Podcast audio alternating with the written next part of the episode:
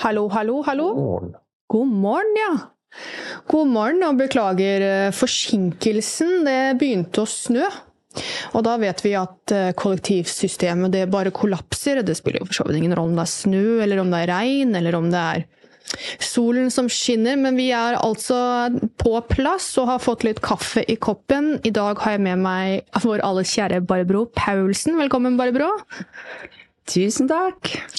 Så eh, vi har jo vi hadde jo et intervju forrige uke som har blitt tatt imot veldig veldig godt, Barbro. Folk er eh, glad i deg.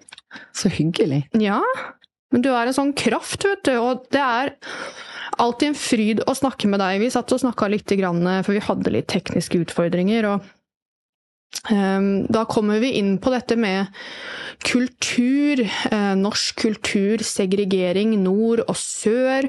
Hvordan forholdet internt i Norge har vært mellom folk i tidligere tider, i og med at vi er i en såpass Hva skal vi si? Vi, vi, vi er i en tid hvor mye polariseres, det er harde fronter, det er mye motsetninger. Men, men det har vel kanskje det er, altså, Dette er jo ikke nytt av dage, er det det? Nei, det var vel derfor vi hadde lyst til å ta den sendinga her, Rebekka. For vi prata jo litt på bakrommet før den TV-sendinga. Der vi toucha litt borti det her med mekanismene i myndighetsapparatet som egentlig til enhver tid har, i alle fall før ramma folkegrupper. Type tatere, sigøynere, samer Eh, innvandrere, på et tidspunkt nordlendinger, kunne jo ikke søke om å få eh, leie seg i leilighet i Oslo, for da det ville de jo ikke ha. Så du kan si at mekanismene har jo egentlig alltid vært der, men det vi snakka litt om som gjorde at vi ble litt interessert i å ta en samtale utover det vi prata om på, eh, på TV sist, det var jo det her med at myndighetsmaskineriet og myndighetsgråderiet. Det rammer alle nå. Det rammer da særlig de som er sosioøkonomisk svake, men også middelklassen. Ved uh, det som jeg vil si ulovlige skatter og avgifter, som begynner å nærme seg en slavekontrakt.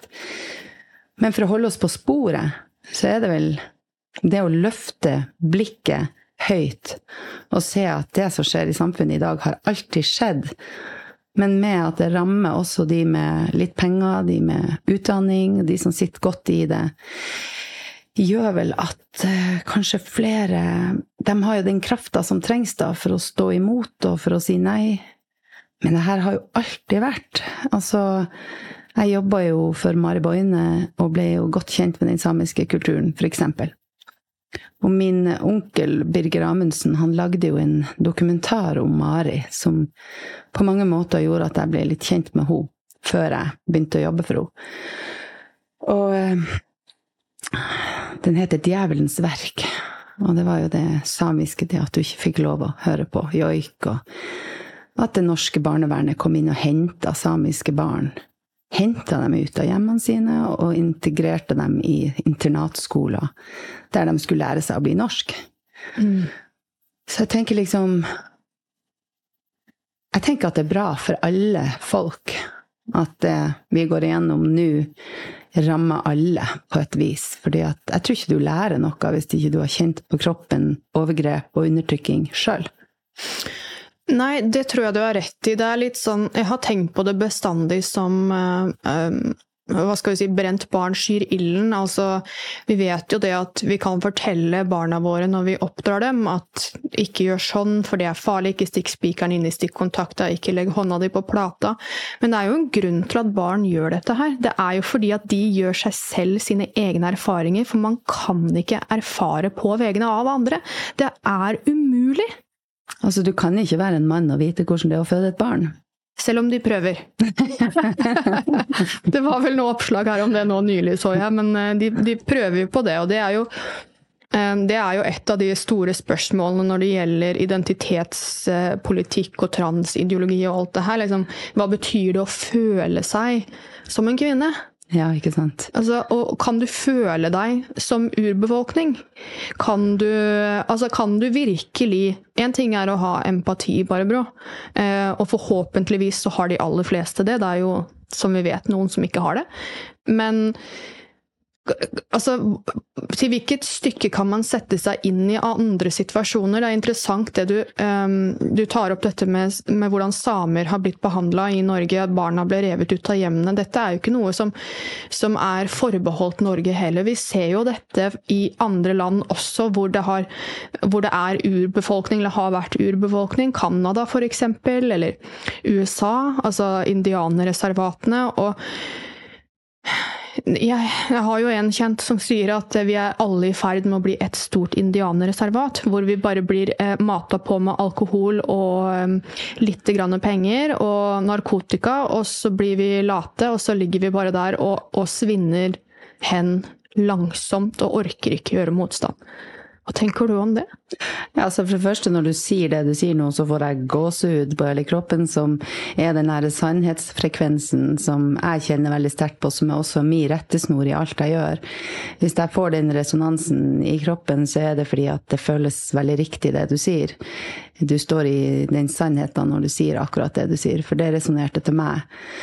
Og det er jo nettopp det man kan si som er fordelen i dag. Det er jo nettopp det at vi alle sammen begynner å kjenne det her på kroppen. Selv de mest privilegerte begynner å kjenne det her på kroppen. Og det kan jo også touche over i de kritikerne som jeg har hatt i forhold til ikke å klare å se at når man gjør et arbeid inn, inn i domstolen, så vil jeg egentlig påstå at eh, alle saker vi har der inne, berører oss alle prinsipielt. Fordi hvordan, hvordan kan man egentlig godta den uretten på vegne av andre hvis man aldri har kjent på den uretten sjøl? Veldig mange sier til meg nei, gud, det kan jo ikke være sånn.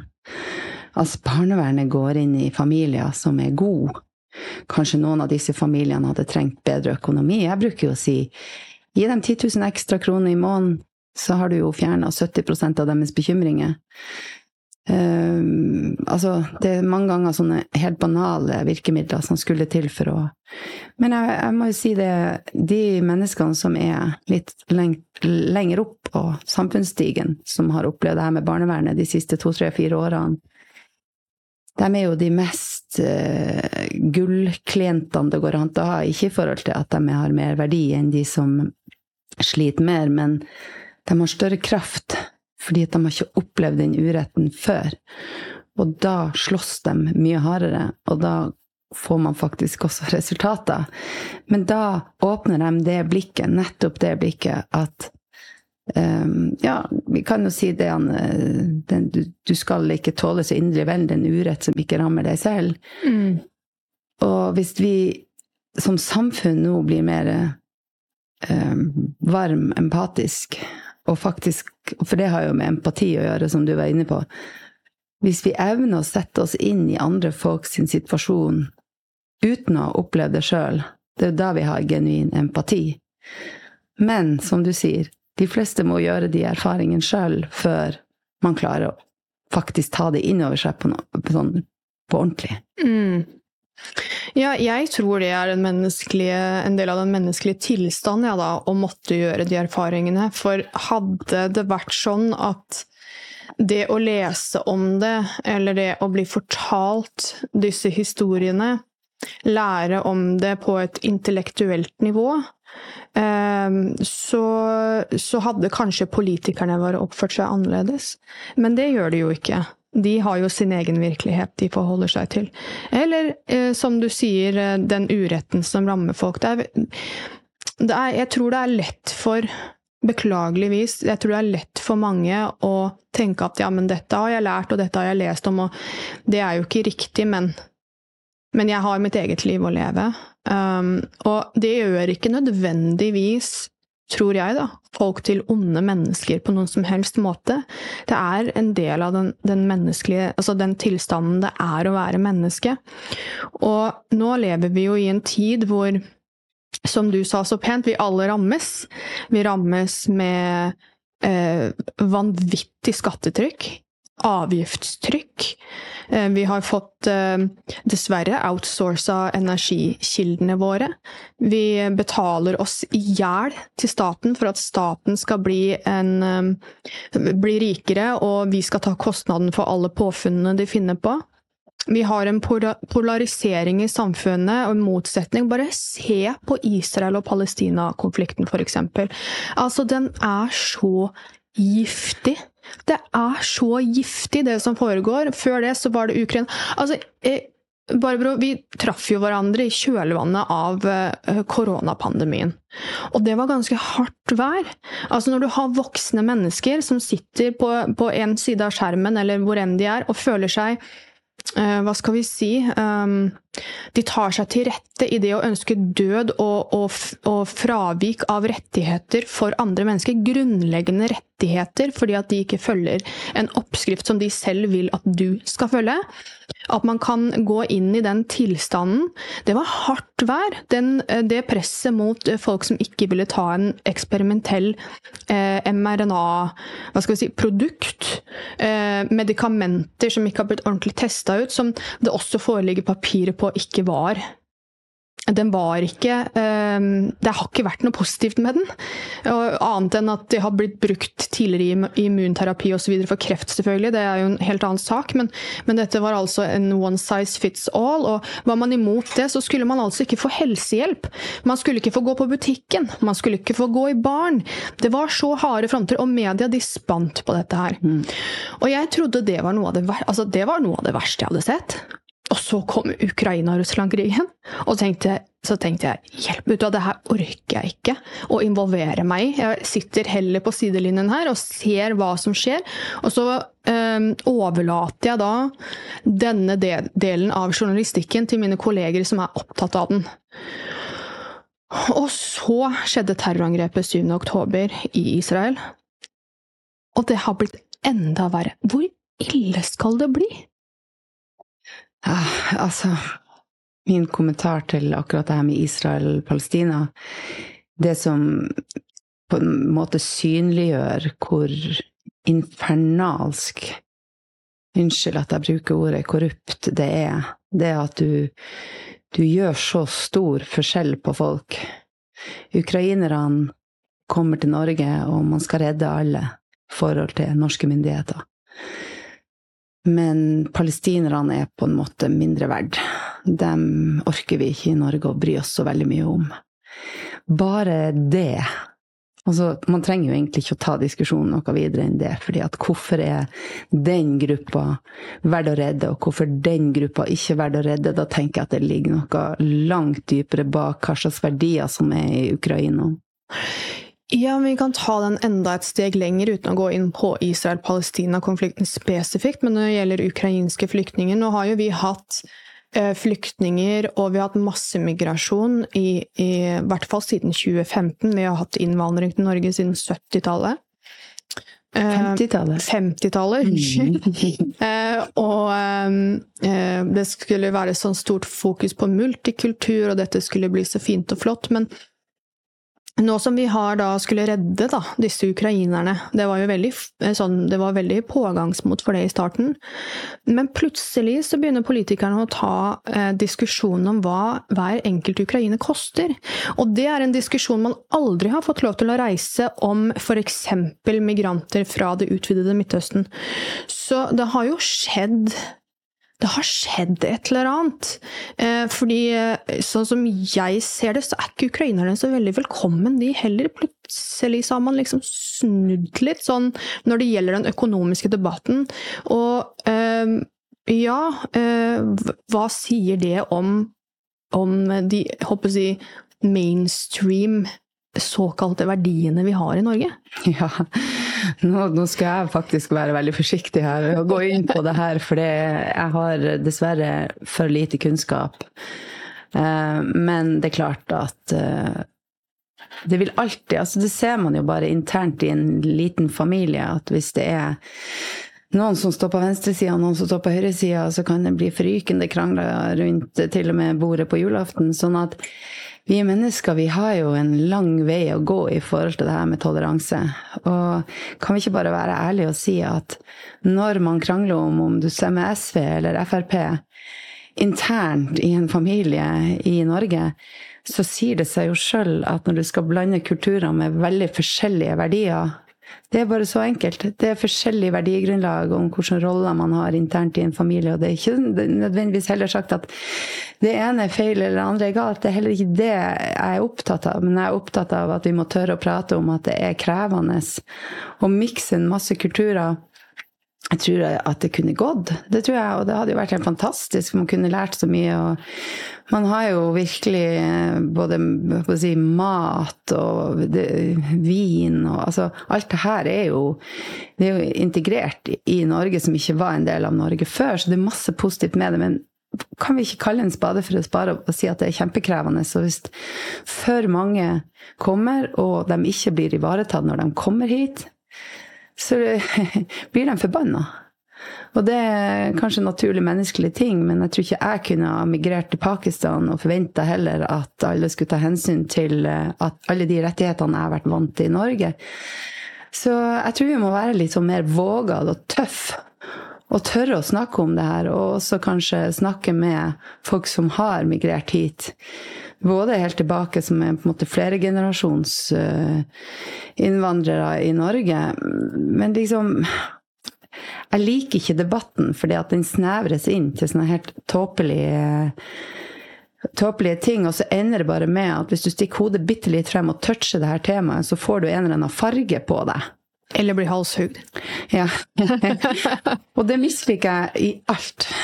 Det samme med med, altså det samiske folket må kanskje også, og nå er jeg kanskje å touche litt i betente områder, jeg anerkjenner personlig alt uretten som har skjedd mot dem.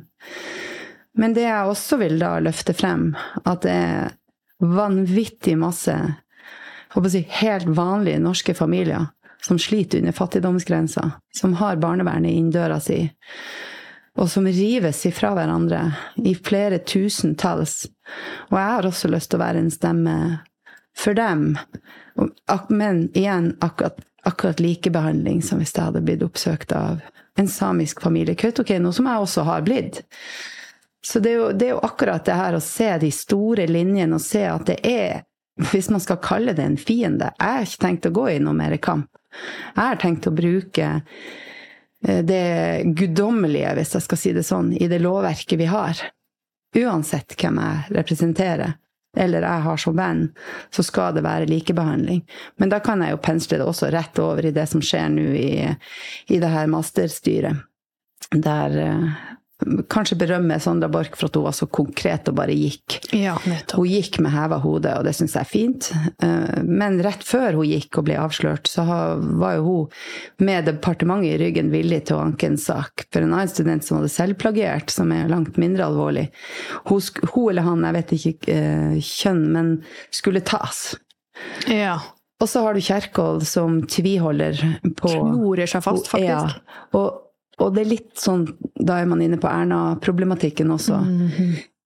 jeg, jeg, blir rivende forbanna, fordi det er ikke likebehandling. Det er den klassen der de får søren meg gjøre. Moxnes er tilbake på Stortinget. Han har ingenting der å gjøre. Han er tyv, han. Ja. Ikke bare har han Altså, én ting er ja, ok, han har stjålet noen briller og noe ost og noe laks, eller jeg husker ikke hva det var for noe, men, men han har begått et lovbrudd. Erna begikk oss, og, eh, etiske brudd, eh, og så i kjølvannet av det, Barbro, så spurte hun altså, og dette her får håret mitt til å bare stå rett bakover, spurte hun statsministerens kontor om ikke de kunne sitte barnevakt for ektemannen hennes dersom hun skulle bli gjenvalgt til statsminister. Altså, er dette her det er på et sånt nivå at jeg vet faktisk ikke om jeg skal le eller gråte, eller kanskje bør gjøre begge deler samtidig. Eh, men jeg vil tilbake til noe du sa, verdisett. Fordi verdisett, som du, eh, som du så pent malte det rundt eh, middagsbordet på julaften Altså, vi Kanskje ikke på julaften, da, men Ja. i veldig mange andre middagsselskap. Ja, middagsselskap. Jeg husker jo den tiden hvor man kunne være uenig og sitte i samme middagsselskap og ha det fredelig. Men jeg husker jo også da var det Martins Kanke som eh, klabba til noen rett i beste sendetid på Nå var du smart, ja. Ja, veldig nå- smart. Nå var du veldig smart! Ja, ikke sant? Det var en helt annen tid. Klinka han rett i Altså, det er jo hilariously artig. Da er jeg jo over på Lillyhammer igjen. Til alle som hører på den sendinga her, for guds skyld se serien Lillyhammer. Hvis dere ikke har sett den, eller bare sett noen få episoder. Lillyhammer toucher inn på absolutt alt det vi prater om nå, og det er, det er så vanvittig bra produsert at det Jeg sitter her og puster litt tungt. Det kan godt hende at de som lytter nå, hører det. Så jeg er jo sånn opptatt av det spirituelle og grounding, så jeg skal ta av meg gummisålene mine Ja, og sette, sette beina i Gjorde deg litt? gjorde meg litt, og så puste i bakken. For det er en, en ting jeg uh, har skjønt. Det at å drive det her som vi holder på med, med sinne og aggresjon og sånt, det er jeg ferdig med. Jeg tenker at det å bare lene seg tilbake og se politikerne ødelegge seg sjøl Len deg godt tilbake i stolen. Vi trenger jo ikke å gjøre noen ting. De gjør alt sjøl. Og jeg må også si en annen ting, det her med masterne. Jeg er litt sånn opptatt av det. Jeg har skrevet master sjøl. Jeg har skrevet to juridiske mastere. Og da må jeg bare si at det var noe av det mest krevende jeg har gått igjennom i mitt liv. Det var så hardt. Du dedikerer jo to år av livet ditt til ett et prosjekt. Ja, og ikke bare det, men vi er ikke alle sammen skrudd sammen til å sitte og skrive. Og samboeren min han hadde en prat med en veldig god kompis som jobber i et av Norges største konsern. Og jeg skal jo være veldig forsiktig nå når jeg selvfølgelig er på ei radiosending, men jeg fikk i hvert fall inntrykk av at det her med mastere Hvis du skal putte noen inn i en høy posisjon, og så har den personen bare realkompetanse. Og jeg sier ikke bare, for det er faktisk kanskje noe av den mest viktige kompetansen man har, det er realkompetanse. Men de har ikke den masteren. Og det trenger de for å inneha den topposisjonen. Og plutselig så har de en master på ett år. Hvordan er det egentlig alle disse masterne kommer til? Har vi egentlig bare sett litt topp av et enormt isfjell? Der kanskje noen har fått en veldig enkel vei til den masteren, mens vanlige folk, som meg, da, måtte slite seg halvt i hjel og ta seg studielån på ytterligere ett år fordi at man måtte skrive en master til, for så krevende var det. Men jeg kan jo gå ut med heva hode. For mitt verk var mitt verk, og det sleit jeg meg i hjel for å få. For jeg er ikke metodisk anlagt, jeg er kreativt anlagt. Så da er det liksom dobbelt så vanskelig. Men jeg gjorde det. Og, og, da tenker jeg jeg er veldig spent på det som kommer nå. Jeg tror det kommer masse, for jeg tror det er mange folk som har eh, ikke fortjent sin master. Jeg tror du har rett når du sier at dette er toppen av et isfjell. Faktisk så tror jeg det er toppen av toppen av isfjellet. Um, mm. og, og, jeg tenker ikke det bare i, i, i forstand i politikken. Jeg tror generelt sett fordi at master kreves for så mye rart, Barbara. Ja. Og det går igjen inn i dette med verdisett. Hva slags samfunn skal vi ha? Um, og som sagt, man kan krangle så, så det fyker mellom seg uh, ved å være, til, altså være en del av en familie hvor du har noen til høyre og noen til venstre. Sant? Mm. Um, og, dette og dette verdisettet er jo ikke så langt fra hverandre. Man har kanskje allikevel noen felles verdier forankra i eh, kulturen, i, i eh, nasjonaliteten sin. Eh, selv om Norge har en rik historie med nord og sør og, og at det har vært så spredt befolkning, og at man Altså, du kan få kultursjokk av å reise innad i Norge også, det er det ingen tvil om. Men um, men når man da har eh, andre verdisett som kommer langt borte fra, altså å få alt dette til å fungere, og da ikke minst verdisettet politikerne har, kontra befolkningen. For der også er det en der Den kløfta er så stor at jeg kanskje vil kalle den et hav. Ja, altså, jeg tror jo veldig mange av politikerne bare lever i ei boble. De vet ikke hva vanlige Med klipp og lim-masteren sin. altså Ja, men også det der med å ta av seg gummisålene. Hvor mange av politikerne stiller seg på, på landjorda og bare tar et ordentlig magedrag og tenker at har jeg gått inn i meg selv? Har jeg indre monolog? Har jeg snakka med meg sjøl? Hvem er jeg? Hva har jeg lyst til å være? Eh, snakker jeg ut ifra sannhet, eller er jeg programmert noe så to inn de grader at jeg faktisk ikke lenger har eh, kontakt med med virkeligheten. Og det er derfor jeg tenker at vi må bare bytte ut alle. Vi trenger ikke nødvendigvis å bytte ut systemet, for systemet i bunn og grunn er faktisk Det har vi jo sett. Vi har jo et system som egentlig funker bra. Vi har jo ganske god likestilling.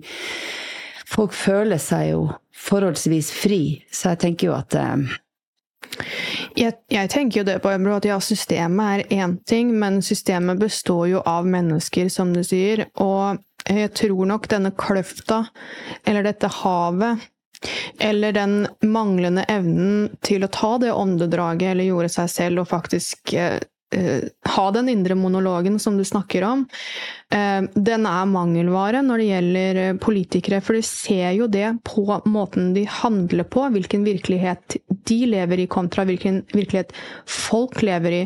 Og hvordan dette felles fundamentet, verdigrunnlaget, har forsvunnet. Fordi hvis det ikke hadde vært tilfellet, hvis vi alle sammen sto stødig på samme fjell, så hadde det ikke vært noe problem å ta de tøffe spørsmålene, istedenfor sånn som Erna, da, som sier at nei, dette er konspiratorisk sprøyt. Mm. Mens hun ved en annen anledning står og snakker om Nå peker jeg selvfølgelig på et konkret eksempel, New World Order, ja. som hun har gått ut og sagt dette er konspiratorisk sprøyt. Ehm, det er bare konspirasjonsteoretikere som holder på med dette. Og så står hun der og leder Agenda 2030. Er med i FN. Møter i Davos. Snakker om pandemihåndtering før det har inntrådt noen pandemi. Om hvordan vi må innskrenke rettighetene til folk for å, for å få gjennomført mer kontroll. Uh, og drar altså rundt og konspirerer. Men det er altså vi som er problemet. Altså det, hun er jo så virkelighetsfjern. Eh, og det, det, kommer så til uttrykk da, på handlingene de gjør. Og også det de unnviker, for de unnviker jo å ha kontakt med folket. De unnviker å ta de tøffe debattene. Og de debattene trenger egentlig ikke å være så veldig tøffe. Altså, de, de gjør jo ikke det. Hvis man har um, Rent mel i posen? Yes. Det er noe med det å ha rent mel i posen. Ja, og det har, det har de ikke. De er ikke åpne. Og Morten Molly Tvedt har jo skrevet briljante kronikker og betenkninger om det her, så hvis eh, folk hadde orka å lese det, eller hørt hørt på hva han sier, som er professor i rettsvitenskap, så hadde man kommet langt på vei. Men det, det som egentlig er kjernepunktet for meg, det er at folket er fragmentert. Og så lenge Og mamma brukte å si det. Hun var jo en av mine eh, lærementorer i forhold til kritisk tenkning, og hun sa jo eh, rett ut at eh, religion er opium for folket.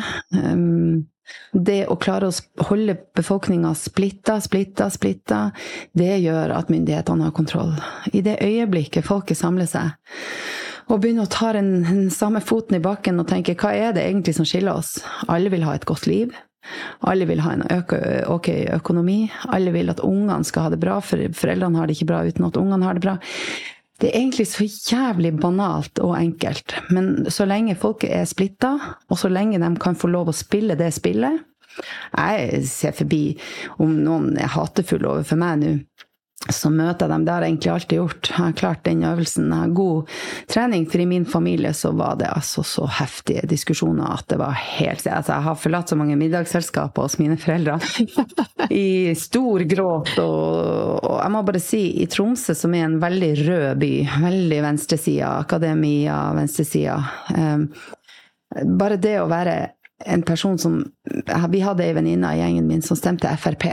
Mm. Det var nesten sånn at hun ble vurdert, ikke for meg, da, men for noen av de mest sosialistiske eh, sånn, Hun nesten ble vurdert hvor godt menneske hun var ut ifra hva hun stemte. Ja, nettopp. Mm. Jeg lurer på om Jeg vet ikke hva som kom først, Barbara, om det var høna eller egget, men jeg ser det litt sånn her. Fordi vi har et samfunn som kategori... Vi mennesker har alltid vært um, skal, Vi har alltid kategorisert andre. Mm. Vi putter oss selv i en kategori, og vi putter andre i en kategori. Og dette er et veldig nyttig verktøy for de som vil ha kontroll. Klart. Og um, når man da stempler andre, så, så, bidrar man jo opp under det her. Og det gjør man også når man stempler seg selv. Og jeg lurer på hvor mange som egentlig er bevisst hvordan de bærer Eller um, ja, hvordan de bærer sin identitet, hvordan de presenterer sin identitet. Altså, jeg har jo alltid tenkt sånn at når jeg ser f.eks. Um, muslimske kvinner som dekker seg til, som bruker enten hijab eller burka eller noe sånt, så har jeg alltid tenkt at ok, du og jeg er veldig forskjellige. Jeg vet ikke om Kanskje kan vi, men jeg tror ikke vi kan forenes, fordi at din identitet er din religion. Og jeg går ikke først fram og sier hvilken religiøs tilhørighet jeg har, eller hvilken politisk tilhørighet jeg har. Jeg heter Rebekka, og jeg er et menneske, og det er der jeg vil møte deg. Så um, er, Og når man, når man leder med, med tilhørighet til en gruppe, så tror jeg det skaper rett og slett en hel rekke eh, fordømmelser og forventninger hos motsatt part. Og man, man, rigger seg selv litt opp til å feile, da, tror jeg. Hmm. Hva tenker du om det? Jeg kan bare ta et eksempel. Jeg satt på, en, på, en eh, på T-banen her i Oslo. Det her er noen år siden. Så satt ei dame der i full burka. Det eneste jeg så, var øynene hennes. Og hva den bekledninga representerer eller ikke, var ikke så viktig for meg. Men det var bare Jeg oppfatta liksom at du skjuler deg. Mm. Mens jeg sitter her i det åpne, og nå snakker jeg ikke om om hun kommer fra noe tvang, eller at hun måtte være i den, men bare den helt sånn der organiske opplevelsen, da. Mm. Og jeg kjente at jeg gikk i en sånn slags forsvarsmodus fordi jeg følte at det var liksom urettferdig at hun satt der i full uniform. Akkurat som en politimann har en autoritet i uniform. Nettopp. Som, som skaper en avstand, som skaper en sånn Jeg er naken, du er bekledd. Mm. Det likte jeg bare ikke. Um, fordi um, det var bare øynene, men øynene ble også på en måte litt borte i det, da. Jeg, jeg, jeg liker ikke uniformer annet enn hvis den har en funksjon. Mm. Og hva er funksjon? Men altså, ja, det er et veldig godt spørsmål, men jeg tenker jo denne uniformen kan jo like gjerne være eh, mental som den kan være fysisk, altså ref det du sa med venninnen fra Frp. Altså, er hun et godt menneske fordi at hun har den politiske tilhørigheten? Um, og jeg tror vi, vi Altså, i en menneskelig tilstand, når vi treffer andre, så har vi Vi har så lett for å kategorisere fordi at vi Nettopp fordi vi kategoriserer oss selv også. Og det skaper den avstanden, den beskrivelsen du gir der med å føle deg naken mens den du står overfor er påkledd. Altså Det skaper jo den avstanden mellom oss. Så vi bidrar jo da til å, å, å, å være fast i den situasjonen. Om det er fysisk, intellektuelt eller emosjonelt. Ja, altså før så var jo de her badstuene ofte brukt uh, for å lage avtaler. Alle kledde seg naken. Du satt i den badstua, og da spilte det ingen rolle om du var direktør eller snekker eller Og så ble det inngått avtaler i naken tilstand, fordi da var du på en måte avkledd. Da var den fine dressen til direktøren lagt bort, og uh, snekkerbuksa Du var equal. Mm. Så jeg tenker jo det at vi da kan man jo også touche inn på det her med kropp, og hvor vanskelig mange ungdommer syns det er å dusje, ikke sant? Fordi at vi har fått en så stor avstand til både dyrene vi spiser, naturen vi Og det er kanskje derfor bondeopprøret er så sterkt nå, som dere var inne på i går, det der med nærhet til naturen.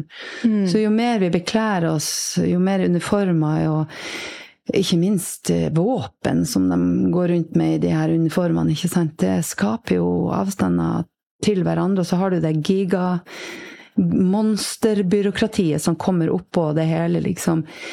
Da, det er jo helt sånn basalt som bøndene sier, du mister totalt kontakt med andre mennesker. Jeg tipper at hun dama som satt i den burkaen, hvis hun ikke hadde hatt den fulle kostymen på seg, og vi hadde sittet der, og blikkene våre hadde møttes, og jeg kunne sett et smil. Mm. Og da kan man jo dra det over til covid og maskeradeballet, der alle sammen skulle sitte med maske. Det blå maskeradeballet? Det blå maskeradeballet. Og um, jeg gikk aldri med maske. Aldri. Ikke helt sånn. Jeg gjorde det Jo, jeg gjorde det to ganger på Vinmonopolet, faktisk. Fordi uh, jeg var da altså på det steget hvor jeg var så desperat etter å få kjøpt en flaske vin at jeg fant meg i det. Men nei, jeg brukte På flyet, faktisk. For jeg måtte jo reise litt, uh, hadde litt rettssaker rundt omkring.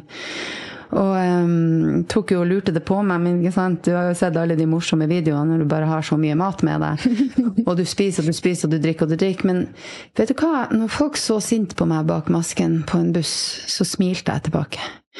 Jeg lot meg ikke provosere. Jeg tenkte jeg skal heller gi deg et smil. fordi at det med smilet og det har de jo også sett store skader på babyer som ble mm. født i den tida, som ikke fikk smilet fra foreldrene sine, og alle ansiktsuttrykkene at de har potensielt fått varige men mot noe som fanden ikke funka, eh, og det visste vi, i hvert fall jeg, eh, medisinskfaglig hadde ingen, ingen funksjon i det hele tatt. Og det var derfor det ble så utrolig Det var ikke for at jeg var noe fare for noen, for jeg ville aldri utsatt andre folk for fare hvis jeg hadde en funksjon. Men jeg hadde ingen funksjon, og det gjør meg også eitrende forbanna. Da vil jeg igjen bare dra linja til professor Halvor Næss, mm. som kalte det et direkte overgrep mot vitenskapen de siste tre-fire årene. Og um, ansiktsuttrykk, og kanskje jeg og hun da på den T-banen hadde smilt til hverandre og anerkjent hverandre. Og fått en kontakt. Og fått en kontakt, ja.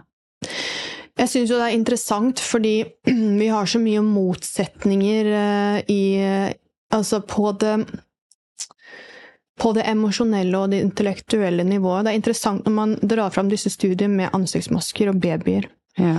Man har jo tidligere gjort dette forsøket med Botox. Altså hvordan påvirkes barna av at mor bruker Botox? Og det gir samme resultat, for du får ikke De lærer ikke da den um, de uttrykkene i sitt eget ansikt. Nei. Så det er faktisk veldig interessant. Det har jeg kjørt om. Det er kjempespennende. Og, men sant, på den ene siden så har du da du har gjort, Det har blitt gjort studier da, på, på hvordan Botox påvirker barn. Det har, um, vi har hatt en heidundrende debatt om kropp. Eh, om plastikkropper, om kirurgi, eh, mentale forstyrrelser, hvorfor opererer folk seg, osv. Og, så og dette med kroppspress og um, ja, spesielt blant kvinner, men også det senere tid blant menn. Det her med bol, hvordan man, hvordan man skjøtter sin egen kropp, og hva som er eh, motivet bak det. Og det har jo fått så mye negativ omtale. Men med en gang det er snakk om et barn som vil bytte kjønn, såkalt, så er altså alt lov. Eller det kommer en pandemi, så vi skal kle på ansiktene til alle sammen. Da har man på med De sperrene da, de er borte. Og det mm. viser bare hvor eh, kontraproduktivt det intellektuelle og åndelige sfæren vi lever i sammen, er. Eh, og går igjen da tilbake til det du sier, Barbro. Ta av seg skoa, ta et dypt åndedrag. Ha en indre dialog og, og Altså, hvor, hvor, i denne Hvor i matrixen er jeg egentlig? Hva er dette her for noe? Ja. Og over på det her med kropp. ikke sant? Hvis du ser til Hollywood, da, som har vært på en måte, Jeg kaller det de falske idolene. Fordi mm mange av Hollywood-skuespillerne er jo transer, ikke sant? og det sier de jo rett ut sjøl.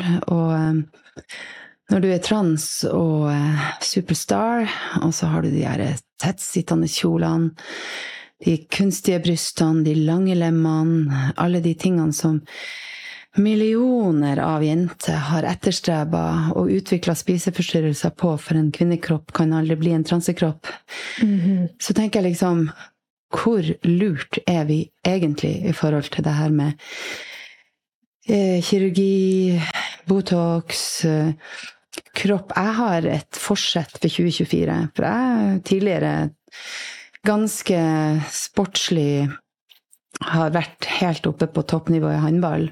Mm. Og eh, fikk jo da ei treningshelg med Susanne Goksør, som var mitt eh, idol. Jeg fikk trene med henne. Og landslaget i helga var vel 16 år, eller noe sånt. Det var jo sunne jenter, da, for all del. Men jeg utvikla også spiseforstyrrelser fordi eh, jeg har mer en sånn tett uh, intervallkropp, ikke en sånn slank, lang Som modellkropp, liksom? Nei, men mer sånn muskuløs eh, intervalltype kropp, da. Men herregud, hvor jeg sleit med mitt eh, kroppsbilde, da, og slanka meg og Ja. Styra og ordna som de fleste jenter og Gud, kvinner egentlig gjør. Ja, og hvor jeg skulle kontrollere den vekta mi hele tida.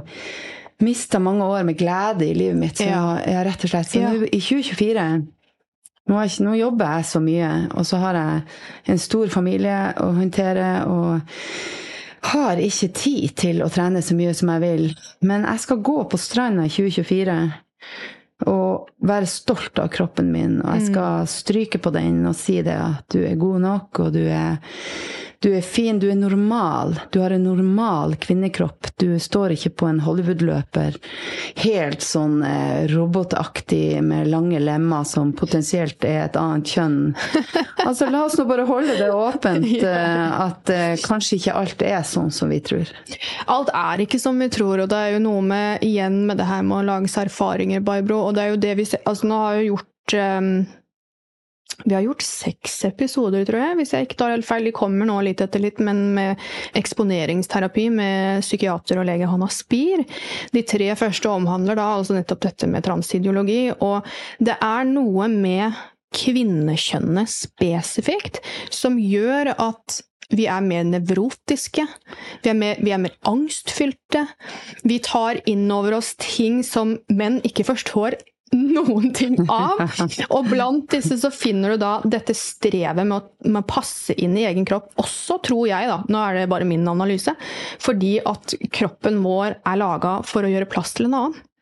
Og eh, jeg tror du ikke finner et eneste kvinnfolk, og da mener jeg hokjønnet, altså ikke de transfolka, men et eneste kvinnfolk som ikke har slitt med kroppen sin, som ikke har slanka seg, eller overspist, eller vært misfornøyd med puppene sine, eller hatt et eller annet som har gjort at de helst ville ha kroppen til venninna si, eller hun på TV, eller streva. Ja. Og når da dette blir satt inn i en, eh, inn i innflytelse av transideologi.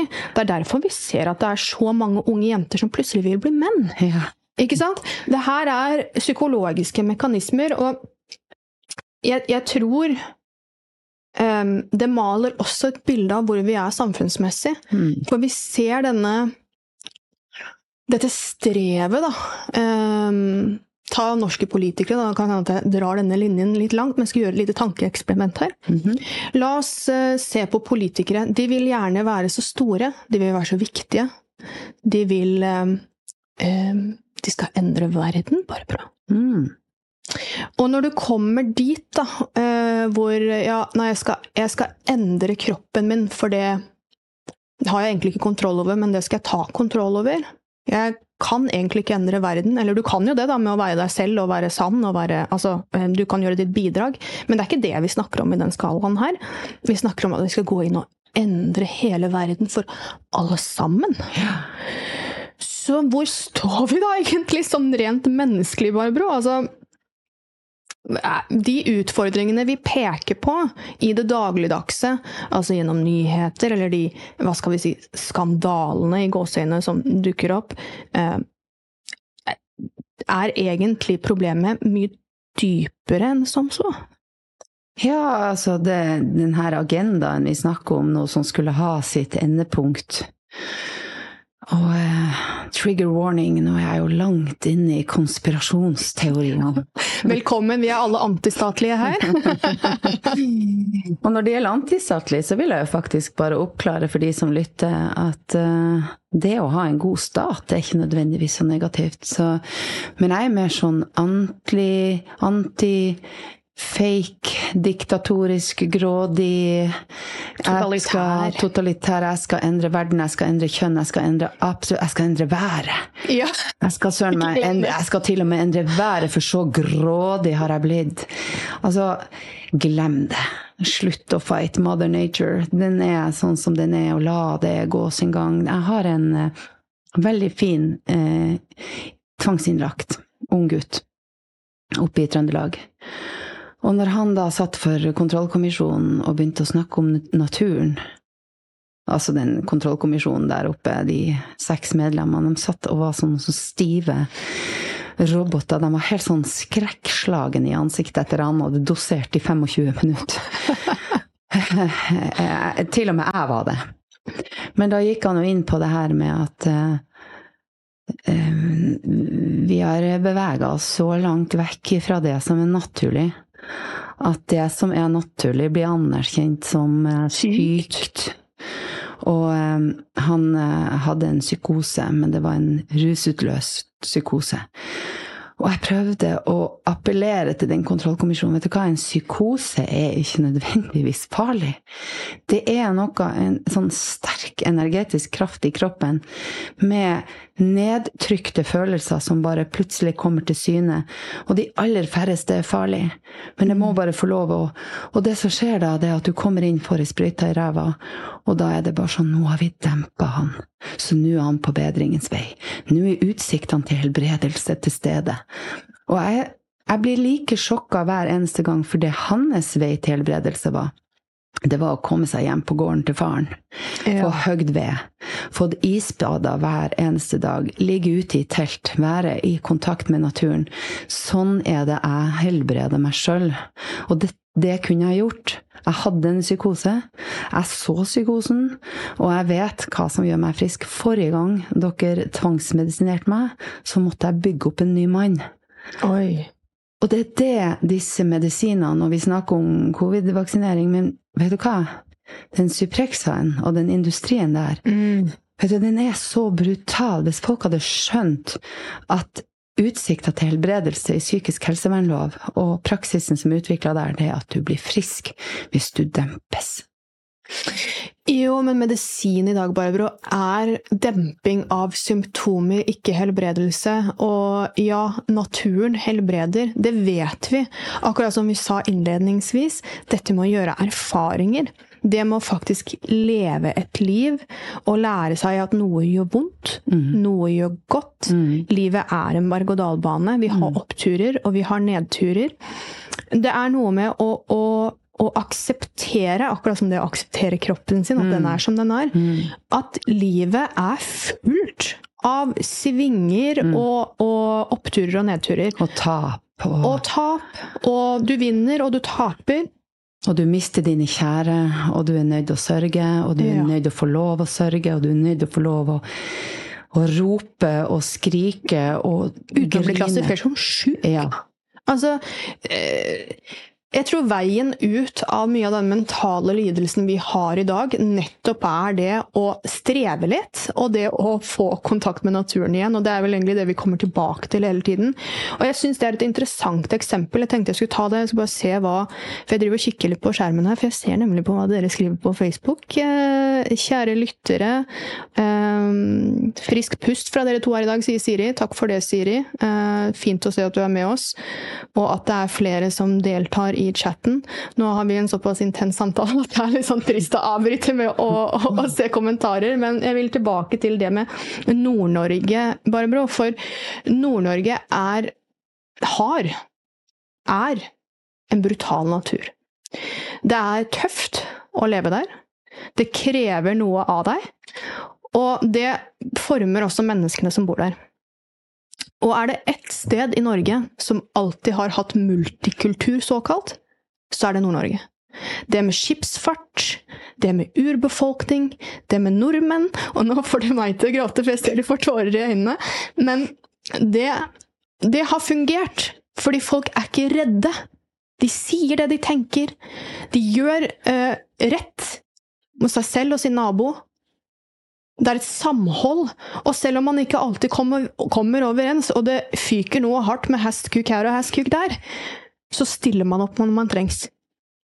Ja, og min sjel er jo der. Og jeg er jo halvt finnmarking. Mamma var fra Kjøllefjord. Uh, jeg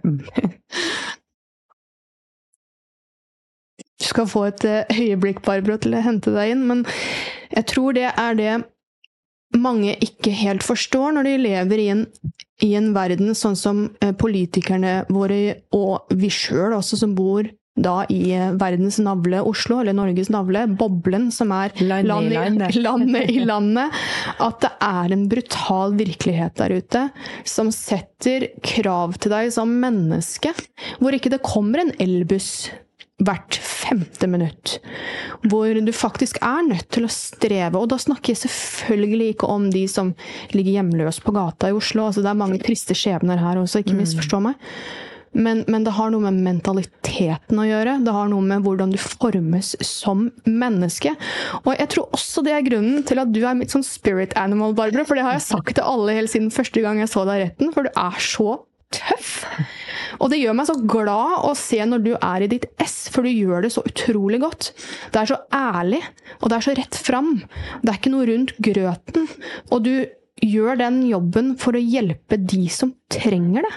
Så godt jeg kan, og det er ikke bare bare, altså. Men grunnen til at jeg ble veldig emosjonell, det er fordi um, jeg vokste jo opp i Bergen og i Tromsø. Så jeg har vokst opp i by. Men den eh, halve finnmarkingen, der eh, min bestefar fortalte at han ble jo sendt fra å være en rikmannsgutt eh, fra Rossfjord i Troms. Og så møtte mora hans da sin store kjærlighet, som var da en løsunge, så det har ikke bare vært greit i Nord-Norge heller. Nei, det absolutt ikke. Men uh, de ble sendt i ytterste fattigdom oppe i fiskeværet i Kjøllefjord. Og min bestefar eh, og bestemor Kitty, da, Birger og Kitty, de fikk fem barn. og Mamma var jo selvfølgelig en av dem. Og de bygde seg opp fra ytterste fattigdommen til å få et godt liv. Han ble handelsmann, hadde den eneste butikken i Kjøllefjord for unntak av samvirkelaget. Det var Amundsen. Min familie heter Amundsen. Og der alle dro til å jobbe på butikken. Det var jo bokhandel, det var lekebutikk, det var tipping, det var klokke, det var sminke, det var alt. Og vi alle sammen sto på. One stop shop, altså. Yes. Og uh, nå døde jo bestemor når hun var 60 på grunn av uh, at de bodde i et fiskevær, og hun fikk ikke en rask nok hjelp. Så et helt unødvendig dødsfall som splitta familien Amundsen til alle vinner. Men mitt mine røtter er jo De bruker jo å si du er ikke nordlending, jeg er finnmarking. Yeah. Finnmarkingene er jo den mest ulydige folkegruppa i Norge. Og takk Gud for at vi har det.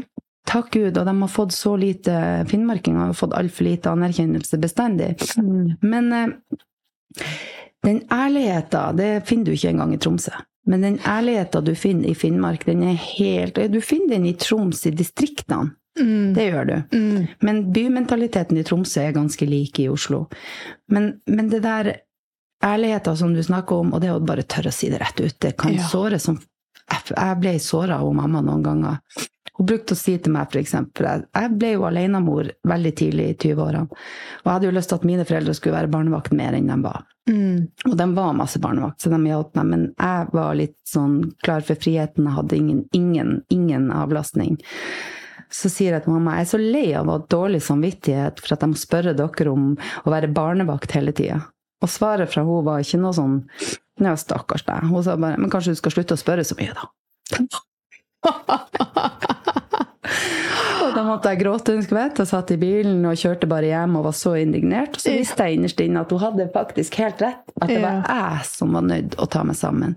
Og det er jo helt ned på det der banale. Vi, vi er så lett krenkbare nå. Mm. Og jeg orker det ikke. Jeg gidder ikke å ha et sånt samfunn der vi og Nå snakker jeg ikke om at vi skal gå rundt og såre hverandre, men vi må tåle å være ærlige. Nei, og det er, liksom, det er jo det som blir brukt som argument mot det å være tøff eller ærlig, da, Barbro, det er jo nettopp det at du sårer noen, og, og det er så forferdelig. Altså, du dør ikke av å få litt grann vondt. Litt motstand. Ja. Motstand er bra, det. Eh, og er det er det én ting man i hvert fall får når man er enten om det er antistatlig eller såkalt konspiratorisk, eller stiller seg utenfor hovedstrømsoppfatningen i samfunnet, så er det motstand. Og jeg tror alle som hører på, jeg tror um, det er mange i Norge, og, eller da snakker jeg om land i landet, selvfølgelig. Eh, Oslo. og, by, og, bymentaliteten. Eh, jeg tror det er mange som har fått den wake-up-callen, eh, og som tåler det ganske fint. Det gjør deg ganske robust, altså. Man bryr seg ikke lenger, for man vet at det man gjør, er rett. Og så kan man jo selvfølgelig gå på noen feilskjær. Man kan kanskje være litt hard i klypa, men, og det handler jo igjen, som du sier, ikke om å såre den andre part. Hvis man virkelig vil gå inn for å være eh, ondskapsfull, så tar jo det en annen bekledning. Mm, helt klart. Men jeg tenker at veldig mange barn i dag, ungdommer, de lir av at man degger opp under alt på mm. feil måte. Og det, mamma var jo lærer og brukte å si det. De mest ulykkelige ungene jeg har, det er dem som ikke blir korrigert, og dem som blir sett og irettesatt. Og bestefaderen han var jo så streng at vi, når han kom hjem fra butikken, da var han sliten, da skulle han ha stua for seg sjøl, og vi var livredd han. Vi elska han, men vi var søren meg så redde han for han, da, altså, han var så autoritær. Men jeg er så takknemlig mm. for at jeg har vært et barn som visste at de voksne bestemte. Fordi voksne har gått i voksenfella ungene er blitt diktatorer i, i, hjemmene. Ja, og på skolene. Og på skolene, og de tyner vettet av foreldrene sine og, og, omgivelsene rundt. Og det gjør også at en ting er at de er ulykkelige, for de blir ikke sett den andre, er at blir u, mange blir uempatiske av det. Og det er jo den gjengen der som skal ta vare på neste generasjon eldre, og jeg tenker jo liksom hvis jeg kan være en motvirkende kraft i forhold til ungdommene jeg har rundt meg, ungene jeg har rundt meg, så, så har jeg både min bestefar Birger og min bestefar Beman med meg deres autoritet. Eh, for noe av det Kanskje ikke så mye, for de var ganske brutale med sine egne barn, det må jeg jo si. Mm. Men å ta, det, ta, de viktigste verdiene, det der med voksenrespekt, jeg syns det er så viktig at vi respekterer de eldre. Og da snakker jeg ikke om at de skal være diktatorer og bestemme, men at man har den derre Respekten, det er respekten, det er verdien av respekt. Og det handler jo også om sjølrespekt, Barbara. For hvordan skal du lære å respektere deg sjøl og dine egne grenser hvis du aldri lærer å respektere noen andre eller andres grenser? Det er jo noe, er noe med den dualiteten der igjen, ikke sant? At um, man ser man må gjøre de erfaringene. Man må ha knagger å henge ting på. Og hvis man aldri får de knaggene, eh, så blir den veggen bar, og det, det er bare kaos. Det er akkurat det. Det blir bare rot. Bare rot. Men jeg vil litt tilbake til Nord-Norge og til dem som lytter nå, og eventuelt kanskje lytter senere, da. For at vi skal på en måte samkjøres som folk. Mm. Så bare på en måte min, mitt hjertesukk det å tørre noe å snakke med folk, og tørre noe å snakke med naboen din hvis det er et eller annet du bekymrer deg for i forhold til ungene, eller ikke meld til systemet, men snakk med folk og tørr. Begynn i det små. Og se liksom Tåler jeg å stå i at noen kanskje blir litt sur på meg, men så kanskje tre-fire måneder etterpå så ser de verdien av at du faktisk torde å si ifra. Mm. Og det å tørre å irettesette Det er ikke så veldig mye som skal til bare for å øve seg på det, fordi at ungdommene våre trenger at vi er voksen, og at vi ikke er en barnehage. Og det må jeg si med forvaltninga og politikerne. Og de oppfører seg som bortskjemte unger.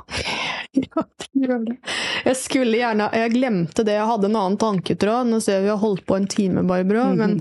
Men um, bare for å nevne det før vi, vi takker for en god morgen her, så Eh, dette med troen på systemet. Jeg lurer på da om det kommer fra din tro på rettssystemet, og det For du sa jo sist du var her, at vi har en fantastisk bok. Vi har Norges lover. Og de står skrevet der. Eh, men at mye av rettssystemet bruker presedens for å, presse gjennom saker. Og det er vel kanskje egentlig litt der vi er i det politiske systemet også. Mm. Er det fordi er det troen på systemet? Er det fordi du har så god erfaring med rettssystemet og ser hvordan det egentlig kan brukes, kontra hvordan det faktisk brukes? Helt klart. Og hvis du får gode krefter inn nå som faktisk bruker det, det som står skrevet. Jeg må jo si at den er jo litt vel stor, den boka. Den kunne, sikkert, kunne sikkert kutta den litt. Jeg, kunne kutta den halvparten, kanskje. Kunne, ja, altså det, er, det, er, en del sånne lover Barbro, om at man, man, har ikke Man kan selge kroppen sin, men man har ikke lov til å kjøpe. Altså, det er jo en men nå tenker jeg grunnsetningen, da. Ja, grunn, ja. Og jeg er jo veldig opptatt av også det her med naturrett og det å ha eierskapet til seg sjøl. Og mm. bli kjent med hvordan samfunnskontrakten egentlig er. Og det er noe man kunne ha snakka om i en time, og det har jeg hatt veldig veldig lyst til. Fordi det kan, vi ta, det kan vi ta en time på, Barbro. Ja, men hvis man da legger til grunn eierskapet ligger hos hver enkelt, da. Hver enkelt levende kvinne og mann. Mm så tenker jeg at det er utgangspunktet. Så ja, jeg tror vi kan bygge videre på grunnsetningen av det vi har, men at vi er nødt til å fjerne veldig mye av det. Men jeg tror at hvis vi hadde klart det, å få skifta ut de som skal For maktfordelingsprinsippet her er jo vanna ut, ikke sant? Det er jo det er så politisert nå at det er vanskelig mm. å på en måte skille. Og det som gjør lover nå, at eh, folk vet altså til Selv jurister sliter jo eh, Man vet, man har mista oversikten. Jeg tror egentlig politikere nå har mista oversikten over alt det. Ja, de klarer jo ikke å følge sine egne lover, så det er jo ja, ja, det er altså, De vet ikke hvor de bor, eller noen ting. Altså, der har det gått helt stokk over stein. ja. Men jeg, jeg, bare har så tru på folk. Jeg har så tru på, på oss som art. Vi er så kloke. Vi er så gode. Og det er jo den prosenten selvfølgelig som er psykopater og narsissister, men de er jo i mindretall.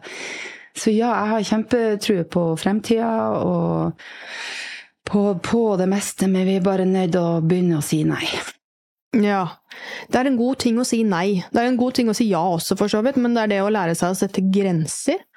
Um, og apropos det, så går det nå en, en VIPS, eller en, nei, hva er det, en spleis for uh, vår alle kjæres favorittsykepleier Iris Froe, som tar en kamp på vegne av oss alle sammen, med Barbro i førersetet, og det samles nå inn penger. Du kan gå inn og finne den. Uh, den kommer sikkert til å dukke opp i kommentarfeltet under uh, saken her. Du kan også søke opp Iris Froe på Spleis.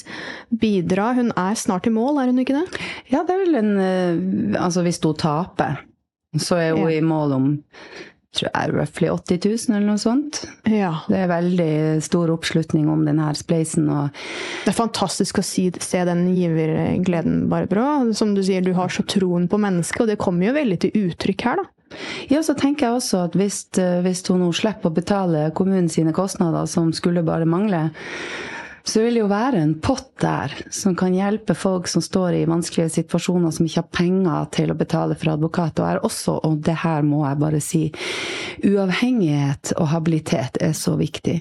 Så vi har jo gjort det veldig klart at de pengene som står på den potten hvis Iris vinner frem på sakskostnadene i Høyesterett nå, så er vi veldig åpne for at andre advokater kan føre saker og bruke de midlene. Det er ikke sånn at de midlene er øremerka til Bergfruene og, og meg, da. Riktig. Så her har man egentlig selve grasrotas velferdssystem i um i motion, mm. i bevegelse, til vår alles beste, som alle kan dra nytte av dersom de skulle trenge det. Ja, og det, jeg tenker at hvis vi skal sitte og mene veldig mye om inhabilitet, korrupsjon og alle de tingene, så må vi være veldig varsomme sjøl også på å ikke gå i samme fella. Ja. Da skal vi runde av der. Eh, bare si at det var da altså Rebekka Misteregen, altså jeg, som tok dere gjennom dette programmet, for det glemte jeg å si innledningsvis. Stressa litt for å komme fram i dag. Det har vært en Jeg har ikke sittet i rushtrafikk siden eh, jeg deltok på eh, rettssaken til han derre Hva heter han for noe igjen? Espen Andersen, han som skjøt med pil og bue i Kongsberg, vet du.